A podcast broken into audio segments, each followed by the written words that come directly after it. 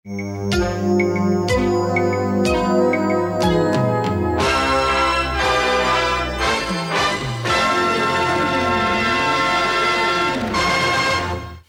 mīļie klausītāji! Šis ir Latvijas Rādio 6, Latvijas Universitātes Radio Naba un raidījums Zootehnikums.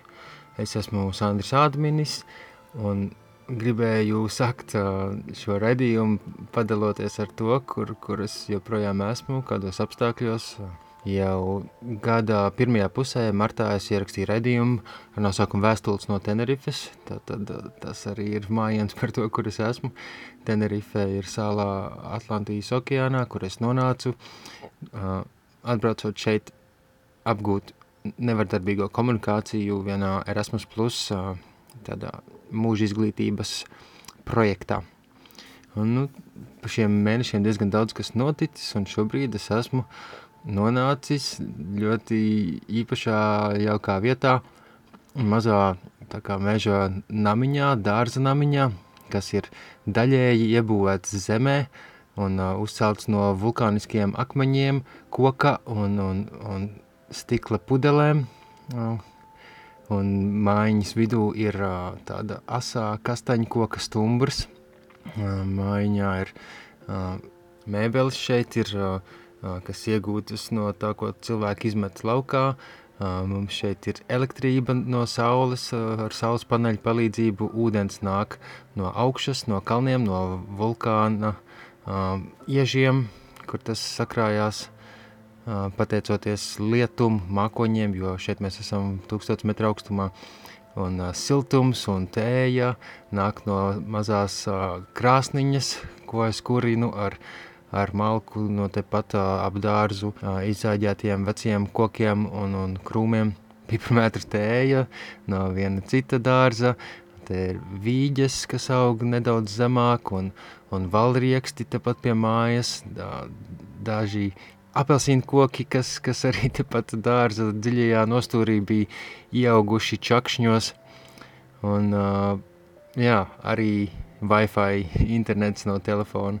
Un tas viss pateicoties vienam uh, spāņu vīrietim, kas šo zemi nopirka pirms 20-30 gadiem un uzbūvēja šeit māju mazo dārzu mājiņu. Un pateicoties vienam vācu čalim manā vecumā, kas, kas šeit ir pāris reizes iepriekš jau bijis, un viņš ir meistars uh, elektrības ierīkošanā, santehnikā, apkuras sistēmās, un, un viņš labprāt dalās ar savām iemaņām, zināšanām un resursiem, labi iekārtojot šo vietu.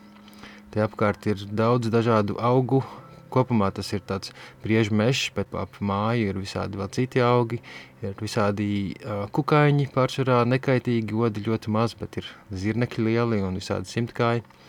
Ir uh, ziņkārīgi mazi putniņi, ir daži bailīgi zaķi un vismaz viena pavisam bezbailīga žurka, kas, kas bezmaz nāk klēpī, kad tu sēdi pie galda ārpusē pie mājas. Bet arī šeit ir daudz noderīgas tehnoloģijas, visdažādākie ar saules enerģiju darbinātie elektriskie rīki un pat uh, 3D printeris, uh, Drīzumā ierīkosim šeit karstā ūdens sistēmu, kas darbosies pateicoties karstumam no, no metāla kursteņa šajā dārznamiņā. Tas būs papildus saules uzsildītajam ūdenim no mājas jumta un visvisādi citi tādi mm, pašdarbnieciskie projekti, kas ir dažādos attīstības uh, stāvokļos, stadijās. Uh, jā, svaigais gaiss, gaiss no priežu meža ir ļoti, es domāju, veselīgs un klusums un dabas skaņas apkārt šeit ir kaut kas tāds, pēc kā es ļoti ilgojos dzīvojot Rīgas centrā 5 gadus no vietas mazā istabiņā saules gaismā, mēnesis gaismā, zvaigžņu gaisma, kas šeit absolūti netrūkst, ļoti uzlādē manis paša baterijas iekšējās. Un, un jā, nerunājot nemaz par, par attiecībām ar, ar cilvēkiem, ko es šeit esmu saticis un kas ir ļoti bagātinoši. Nav nejausmas, cik ilgi šeit palikšu, jo šī joprojām ir tikai tāda pagaidu māja vieta, bet šeit ir tik labi, es jūtos tik brīvi un tik ļoti īstajā laikā un vietā. Un man prieks, ka es varu arī turpināt šeit iesaistīties vietējo aktīvistu, dzīvnieku aizstāvju darbā un turpināt veidot arī raidījumu. Bet jā, par ko tad šodienas raidījums? Pirms gada, 2019. gada jūnijā, raidījumā viesojās Sanita Ločmele, kurā Instagramā veido tādu kontu VegKid, un viņa ir, ir divu mazu puiku māma, un viņa ļoti grib atvieglot cilvēkiem, cilvēkiem vecākiem, kas ir vegāni, darbu pie tā, lai arī viņu mazuļi būtu pilnvērtīgi nodrošināti ar uzturu, kas ir vegānisks, tātad dzīvniekiem draudzīgs, videi draudzīgs, un šogad viņa ir īstenojusi savu lielo sapni, vismaz sāk īstenot mājaslapu bērni vegāni, un par to es arī ar viņu sarunājos.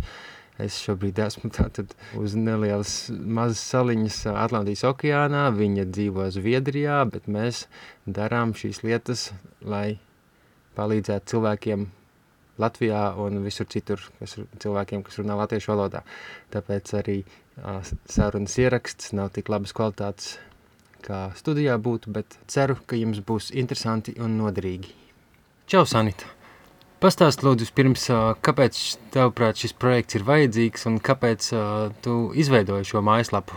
Mājaslapa tika izveidota pamatā balstoties trīs iemesliem.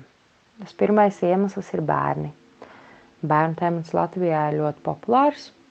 Par to runā gan sociālajos mēdījos, gan Latvijas televīzijas raidījumos, gan radioprogrammās ir izveidot dažādi fórumi un grupas un izglītojoši kursi, kas saistās ar bērnu labklājības veicināšanu, ar bērnu fizisko labklājību, ar bērnu emocionālo labklājību. Un man sajūta, ka gan vecāki, gan eksperti, kas piedalās šajās diskusijās, vēlas, lai viņu bērnu bērnība un nākotne būtu labāka nekā tā ir bijusi pašiem vecākiem un ekspertiem. Tāpat mēs redzam, ka dzīvnieku tiesība aizsardzības jautājums aktualizējas šodienas sabiedriskajā telpā.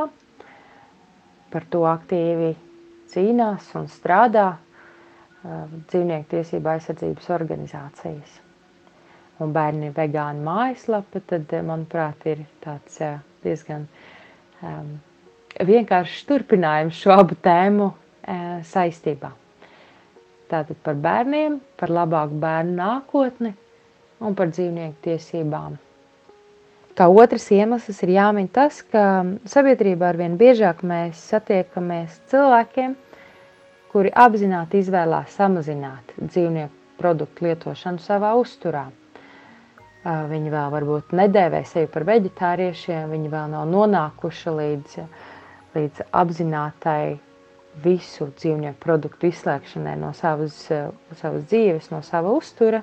Viņi nesauc sevi par vegāniem, bet šis pirmais solis samazināt gaļas un piena produktu lietošanu savā, savā ikdienā jau ir spērts.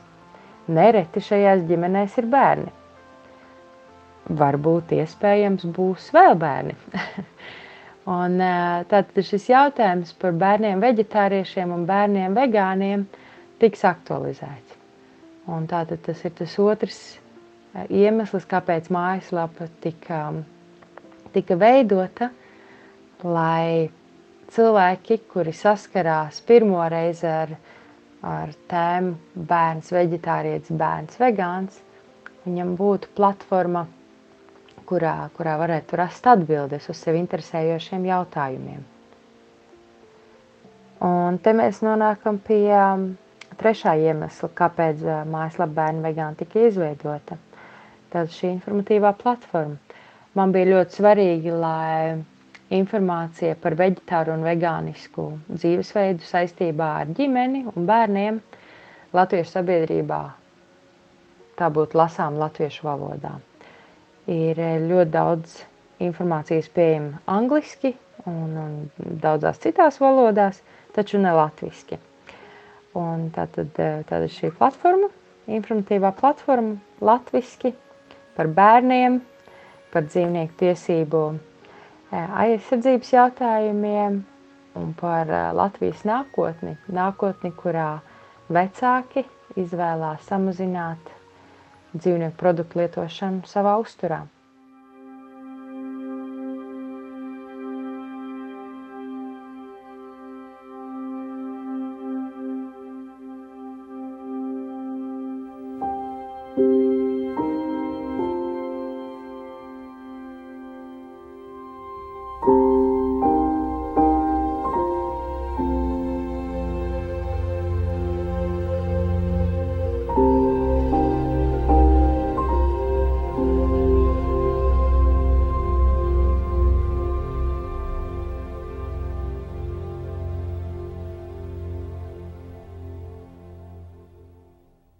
Pirms mūzikas Sanita Ločmēle pastāstīja par trīs iemesliem projekta Bērni vegāni tapšanai. Bet par ko tieši var un varēs uzzināt šajā resursā? Mājaslapa ir tikko iznākusi un e, katrā ziņu kategorijā, jeb katrā tēmas, tēmu kategorijā ir nopublicēti pirmie raksti, un mēs plānojam sekojošas e, kategorijas kurās, kurās tad mēs rakstīsim. Un tā ir veselība.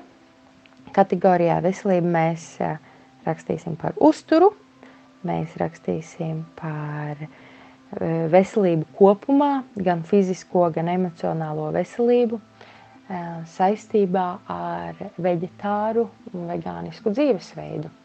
Mēs rakstīsim par tādiem vispārīgiem jautājumiem, kā piemēram, kā veidot kā veidot diskusiju, kā veidot sadarbību ar savu ģimenes ārsti, kas varbūt nav vispozitīvāk noskaņots pret, pret eh, veģetāru vegānisku dzīvesveidu. Vēl būs tāda ziņu kategorija kā viedokļi, kurā dažādu interešu un profesiju pārstāvji eh, izteiks savu viedokli eh, par sev aktuālu tēmu, zināšanu kopumu saistībā ar veģetāru un vegānisku dzīvesveidu.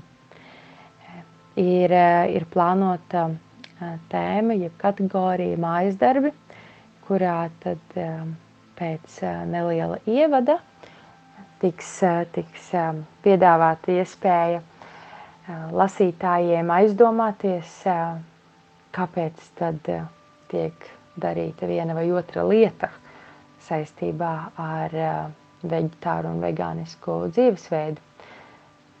Tas, eh, tas būs vairāk tā kā pārdomu jautājums eh, lasītājam, kas tad varētu rosināt eh, uz, jā, rosināt uz pārdomām un varbūt arī sava dzīvesveida izmaiņām.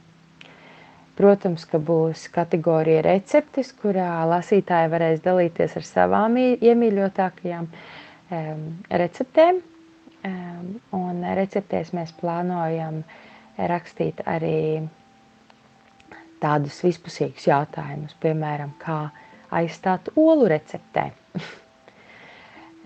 Mums ir kategorija biblioteka, un, manuprāt, svarīgākais bibliotēkā ir apakškategorija dati un fakti, kurā tad tiks apvienotas dažādas tēmas, kas balstās uz normatīvajiem aktiem, kas balstās uz faktiem, kuri ir neapstrīdami.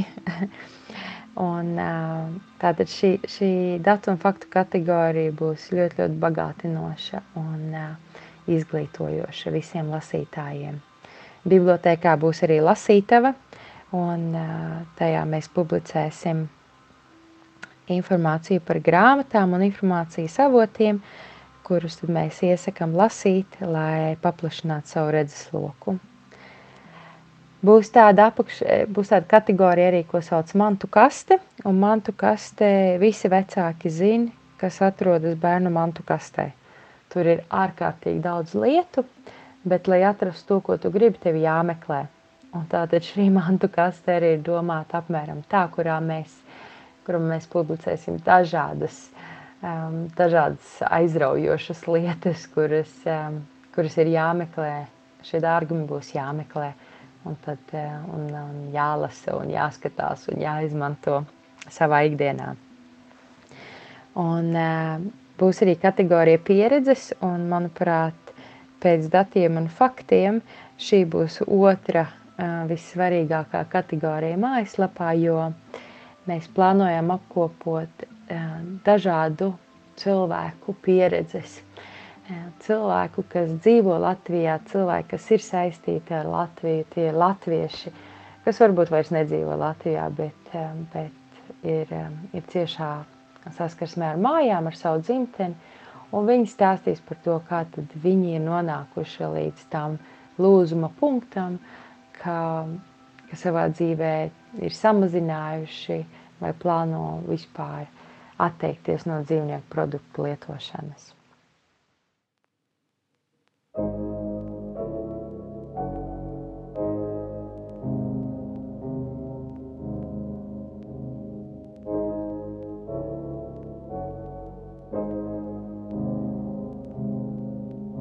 Tu jau vairākus gadus darbojies ar šo tēmu, sākotnēji caur Facebook grupu Bērni vegāni vai caur uh, Instagram kontu VegKid. Un, uh, tā kā kopumā tas ir kļūst par tādu kā tavu misiju, vai ne? Kā tu redzi šī projekta nākotnī vai vari pastāstīt par savām iecerēm? Bērni vegāni man ir ļoti svarīgs un, un tāds um, īpašs projekts, um, jo tā ir manā man privāta interese. Mēs paši esam ģimenē vegāni un mums ir bērni vegāni. Un, um, es šo projektu arī sev uztveru gandrīz kā savu trešo bērnu. Tik svarīgs man tas ir. Un tāpēc, tāpēc es gribu, lai arī Latvijā, Latvijas sabiedrībai un latviski lasošiem cilvēkiem mājaslapa bērnu vegāni būtu, būtu tāda īpaša vieta, kur smelties informāciju. Un tātad bērnu vegānu mājaslapa tā ir pamatā informatīva platforma, kurā, kurā lasītājs varēs atrast eh, atbildes uz sevi interesējošiem jautājumiem. Eh, kā otra bērnu vegānu eh, pamat būtība ir tā sociālā funkcija ka bērnu vegānu mājaslapa būs atbalsts tiem, kur ir ceļā uz, uz dzīvnieku produktu samazināšanu savā dzīvē. Ka varbūt viņi ir aizdomājušies, ka vajadzētu ēst mazāk gaļu, vajadzētu dzert mazāk pienu, vai varbūt pilnīgi atteikties no šiem produktiem savā dzīvē. Vai varbūt viņi ir aizdomājušies, ka kaķis un suns ir mīļš, bet govs arī ir mīļa un cūka arī ir mīļa. Un kāpēc mēs neizturamies vienādi pret šiem dzīvniekiem? Tad bērnos, bērnos vegānos šajā mājaslapā e, es ceru izveidot šo atbalstu informatīvā veidā, lai cilvēks izlasot citu cilvēku pieredzes, lai izlasot um, informatīvos rakstus, lai justu, ka, ka ir atbalsts, ka šis cilvēks nav viens savos jautājumos un nav viens savā, savā virzībā uz, uz uh, dzīvesveidu, kas, uh, kas ir um, krietni, krietni saudzīgāks pret dzīvniekiem. Sociālā, šī sociālā funkcija, atbalsta funkcija ir arī, ir arī piemēram, informatīvie kursi sadarbībā ar kursu pasniedzējiem un, un lektoriem tiek jau pašlaik organizēti un tiks organizēti arī nākotnē. Un sociālā funkcija, kā atbalsta funkcija, ir arī tas, ka cilvēks var iesūtīt savu jautājumu, un mēs varam palīdzēt to atrisināt caur rakstu varbūt norādīt informācijas avotus, kur cilvēks var meklēt atbildes uz sev, uz sevi interesējošo jautājumu. Es domāju, ka bērnu vegāni attīstoties un papildinot šo te um, informatīvo platformu ar, ar kvalitatīviem rakstiem par tēmu, mēs, mēs kļūsim par um, viedokļu līderi Latvijā, kas saistās ar bērnu un, un ģimenes um, jautājumiem veģetāra un vegāniska dzīvesveidā kopainā. Jo nereti, piemēram, ja mēs, ja mēs runājam par uzturu, tad neredz šie bērni, kas neēd dzīvnieku produktus, viņi tiek aizmirsti. Viņi, viņi pat ne, neeksistē, jo par viņiem neviens nerunā. Un plānojot, piemēram, veidojot uzturu bērniem slimnīcās vai skolās vai bērnu vasaras nometnēs, neviens pat neiedomājas, ka varētu atnākt kāds bērns vegāns un ko tad viņam dot ēst.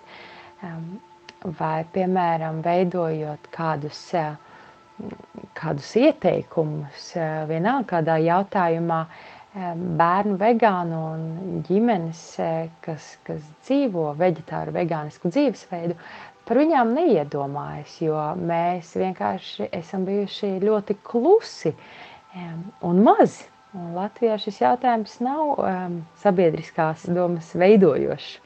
Tāpēc es ceru, ka bērni vegāni kļūs par šo viedokļa līderi un kā ar mums rēķināsies un ka mums jautās mūsu domas, ja sabiedrībā tiek kāds jautājums izlemts.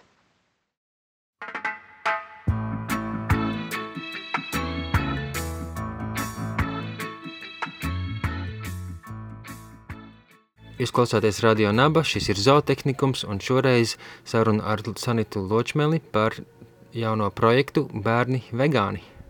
Tad pastāstīja, kur cilvēki var to visu atrast par šo projektu un tā saturu, kā var sazināties ar tevi, nodot ziņas, ieteikumus, piedāvāt sadarbību.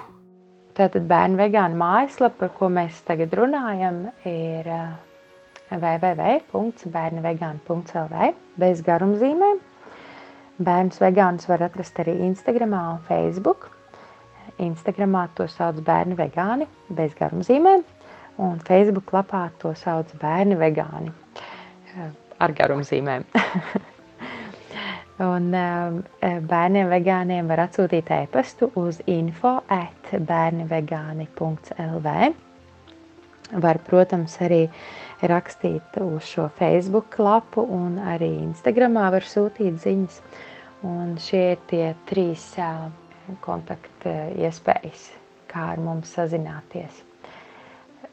Es ļoti priecāšos par atsauksmēm, es ļoti priecāšos saņemt komentārus gan mūsu sociālajos mēdījos, gan uz e-pastu, jo lasītāju viedoklis ir ārkārtīgi svarīgs – jo tikai tā mēs zināsim, kā šo mājaslapu attīstīt, par ko tajā rakstīt, kas ir tas, kas lasītājiem interesē.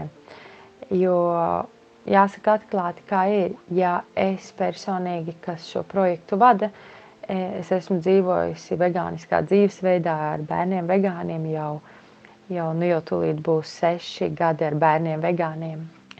Un esmu pietiekami lasījusi informāciju saistībā ar šo jautājumu, un man liekas, ka tas, ko es zinu, zina arī visi citi. tas, protams, izklausās diezgan absurdi, bet nu, tā tas ir. Tā, tā sajūta ir, ka nu, kā, kā tās lietas var nezināt, jo es taču visu jau zinu. Tāpēc mēs gaidām visus jautājumus, ko lasītāji grib uzzināt, un, un atbildes uz šiem jautājumiem mēs sagatavosim. Tāpēc droši rakstiet. Ja kādam ir vēlme iesaistīties projekta darbībā ar savu ekspertu viedokli, e, varbūt e, mūs klausās pašlaik kāds ārsts vai kāds skolotājs, vai varbūt kāds uzturspeciālists, kurš gribētu kaut ko kaut ko izteikties šajā jautājumā, tad arī jūs lūdzu esat mīļi gaidīti. Sazinieties ar mani, un mēs noteikti atradīsim iespēju, kā jūs iesaistīt šajā projektā. Paldies tev par šo pamatīgo darbu, ko tu dari. Manuprāt, tagad 2020. gadā ir pavisam jau acīm redzami, ka vegānismā idejas popularitāte ar katru gadu turpina augt, un, un diez vai tuvākajā laikā tas beigsies. Un gan dzīvnieku tiesību, gan klimata dabas krīzes dēļ, kas lielā mērā tiek saistīta ar industriālo lopkopību, un saistībā arī ar dažādām mūsdienu sabiedrības veselības problēmām, un šis fokus uz, uz jaunajām ģimenēm uh, un sakarīgu, pamatotu un, un izpratnē balstītu bērnu audzināšana ir ārkārtīgi svarīgs, jo, diemžēl, pagaidām vēl dažādu nozaru speciālisti par to runā diezgan izvairīgi, tāpēc, manuprāt, šāds resurss, šāda informatīvā platforma ir ļoti vajadzīga. Paldies tev! Paldies tev, ka man bija iespēja pastāstīt par um, šo jauno projektu Bērnu vegāni. Jūs klausījāties sarunu ar Sanitu Ločmeli, jaunā projekta Bērni vegāni veidotāju. Tagad es vēlētos nolasīt tekstu, ko es sagatavoju pēc Sanitas lūguma tieši šim bērnu vegānu projektam. Tāds pagaidu nosaukums tam ir ābols no ābeles tālu nekrīt, jeb vegāni un viņu bērni. Pirms dažiem gadiem es kaut kur lasīju šādu mikro dialogu, jeb būtībā anekdoti. Māmu, no kā rodas desiņas? No cūkām? Bet kur cūkas dabūtās desiņas? Dzīves pašā sākumā bērni mēdz būt kā miniatūri briesmoņi, kas ķer, grābj un bāž mutē vai plēš visu un visus, ko var pagrābt, ir īpaši tos, kas kustas. Protams, bez ļauna nodoma, bet arī bez spējas saprast cēloņu sakarības par to, kāpēc mums jābūt saudzīgiem vienam pret otru. Par laimi viņiem vēl nav zobu, viņi nav milzīgi un spēcīgi, atšķirībā no citiem briesmoņiem. Tomēr jau visai agrā vecumā viņos par laimi pamostas arī piesardzīgāka ziņā, ziņkāra par dzīvniekiem un empātija, jeb spēja iejusties citu emocionālajā stāvoklī. Tad iespējams viena no labākajām lietām, ko mēs varam darīt, ir to novērtēt un atbalstīt viņus, ļaujot šai dabiskajai interesē un līdzjūtībai izpausties viņu rīcībā un no tās arī šo to mācīties. Un no otras puses, ja cenšamies viņus pasargāt no šausmīgiem skatiem un stāstiem par to, ko cilvēki nodara dzīvniekiem, Vai nav dīvaini vienlaiks ar savu naudu un izvēlēm atbalstīt līdzīgu nežēlību? Kāpēc finansēt to, ko mūsu bērni un mēs paši uztvertu kā pretēju dzīvnieku saudzēšanai un pasargāšanai? Vismaz tā uz to skatās vegāni. Ik pa laikam diskusijās par vegānismu izskan pārmetumu, ka vegāni uzspiež saviem bērniem pasauli, savu pasaules skatījumu. Bet vai to nedara ik viens atbildīgs vecāks, kam ir skaidra savu vērtību sistēma un kas grib iemācīt saviem bērniem to pēc uh, pēc saviem ieskatiem svarīgāko un vērtīgāko dzīvei. Tā taču ir audzināšanas būtība, vai ne? Gan ietekmējot to, cik daudz laika viņi pavada pie ekrāniem, kurā skolā iet, kāda ir viņu uzvedība, kā viņi izturas pret sunīti, kaķīti un, un pārējiem. Būtībā nedarīt pāri citiem. Un arī saistībā ar dzīvnieku izmantošanu un nogalināšanu pārtikai, apģērbam vai izklaides nolūkiem – Ja vecākiem tas šķiet nežēlīgi un nepieņemami, vidē nedraudzīgi vai cilvēku veselībai lieki vai pat kaitīgi, vai tiešām ir tik dīvaini, ka viņi šīs pārliecības un attieksmes nodod saviem bērniem? Ja vecākiem šķiet nepieņemami tas, ka dzīvniekiem pārgriež rīkles, mātēm atņem mazuļus un tur viņus pieķēdētus vai iesprostotus, vai nav saprotam, ka kādā brīdī viņi par to grib pastāstīt arī jaunākajiem ģimenes locekļiem? Jo tas, ko ikdienas pasaulē bērniem iemāca daudzas multenes, reklāmas, datorspēles un pat grāmatas, joprojām ir pavisam tālu no realitātes. Dzīvnieki it kā staigā uz divām kājām, vēl kā drēbes, runā kā cilvēki un dažās uh, gaļas produktu reklāmās, piemēram, pat dziet jautras dziesmiņas par to, kā viņiem patīk ēst vienam otru. Arī gaļas un piena produktu iepakojuma attēli neparāda neko no tā, kas patiesībā notiek ar dzīvniekiem, no kuru ķermeņiem šie produkti ir iegūti. Attēlos redzama pavisam sagrozīta realitāte, jo ražotāji nevar atļauties godīgi parādīt to, kas un kā ar šiem dzīvniekiem patiesībā notiek. Bet bērniem un reizēm arī pieaugušajiem tā kļūst par galveno avotu viņu izpratnes veidošanā par dzīvniekiem lopkopībā.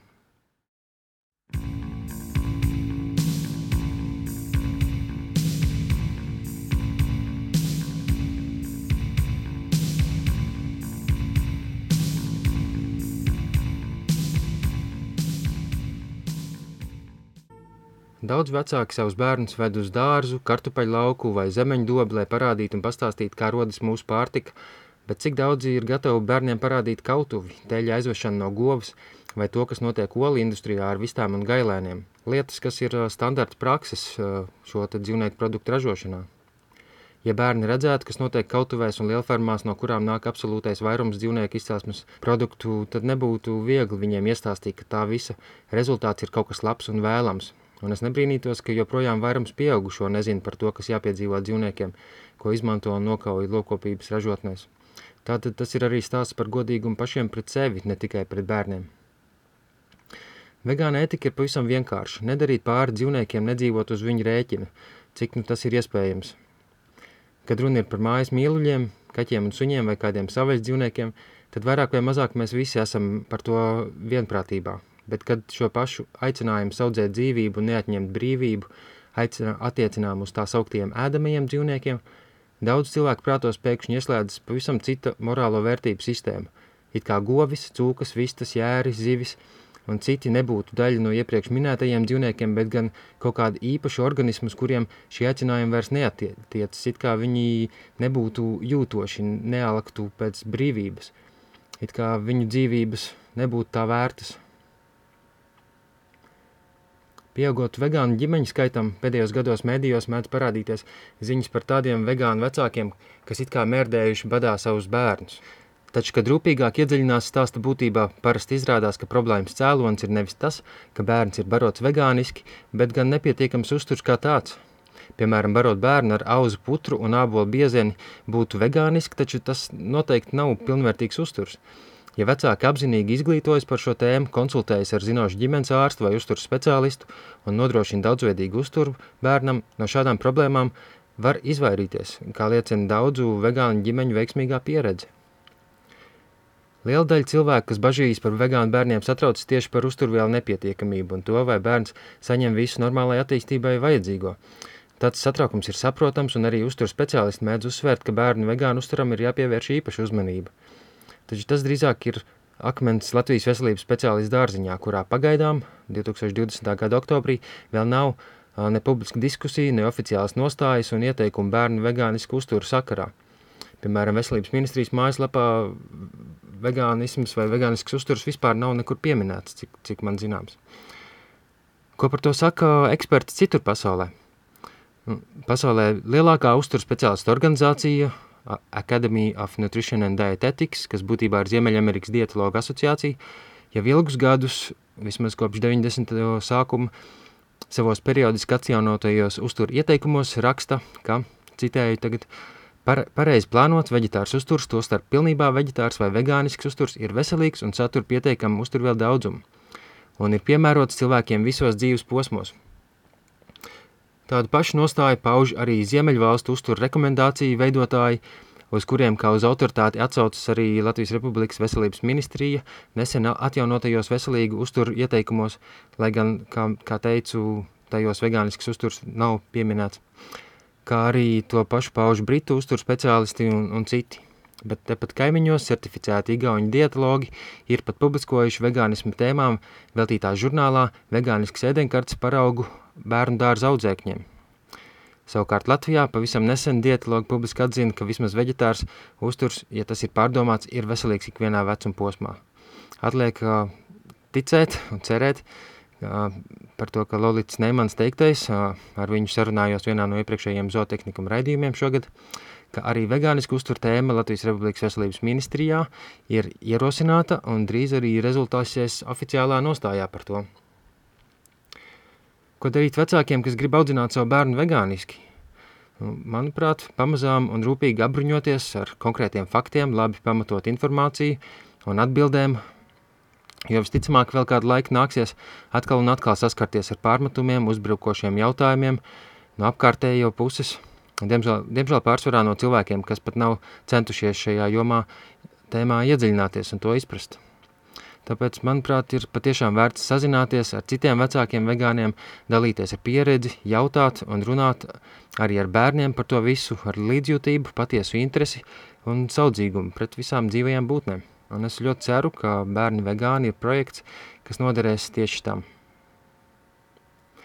Tāds ir būtībā melnraksts man, manam tekstam, kas tiks publicēts arī bērni vegāni mājaslapā. Un noslēgumā mīļš paldies jau vairāk nekā 30 cilvēkiem, kas atbalsta raidījumu tapšanu ar ziedojumu internetā. Jo zootehniku es jau 5 gadus veidoju bez atalgojuma, bet ar palīdzību no draugiem un ar pārliecību, ka tāds raidījums ir vajadzīgs. Un tieši pateicoties atbalstītājiem, es varu tam atvēlēt vairāk laika un uzmanības, lai turpinātu veidot saturu tieši Latvijas sabiedrībai. Ja arī tu vēlies atbalstīt manu darbu, kaut vai ar vienu eiro ziedojumu, meklē patreon.com lapā manu vārdu, Sandris Adminis, vai iegooglē kopā divus vārdus – zootehnikums un Patreon. Visi raidījumi ieraksti ir brīvi pieejami Latvijas sabiedrisko mediju portālā LSMLV, bet jaunākie skan arī Spotify un Apple podcasts arhīvos. Jaunumiem var sekot zootehnikuma lapā, sociālajos tīklos, un es būšu ļoti pateicīgs, ja uzrakstīsiet kādu atsauksmī Apple podcasts uh, vai padosiet jebkādu citu ziņu par to, kas jums patika, nepatika, ko jūs vēlētos dzirdēt nākotnē. Sarunas ar kādiem viesiem par kādām tēmām. Nākamajā sestdienā Radio Naba klausieties raidījumu Nezāle par cilvēku vidē un vidi cilvēkā, bet pēc divām nedēļām būs klāt jau atkal nākamais zootehnikums. Paldies, ka klausījāties, saudzējiet sevi, saudzējiet viens otru un saudzējiet arī pārējos. Atā! Please listen carefully. Animals want to be free, just like, just like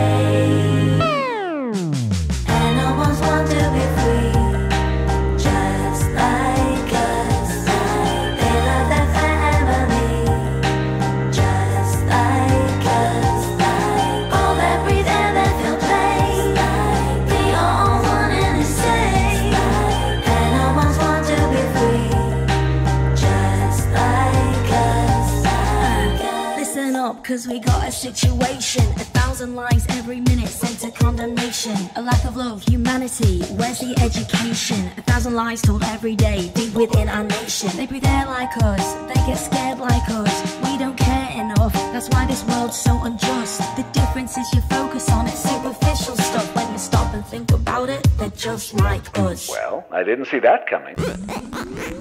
Animals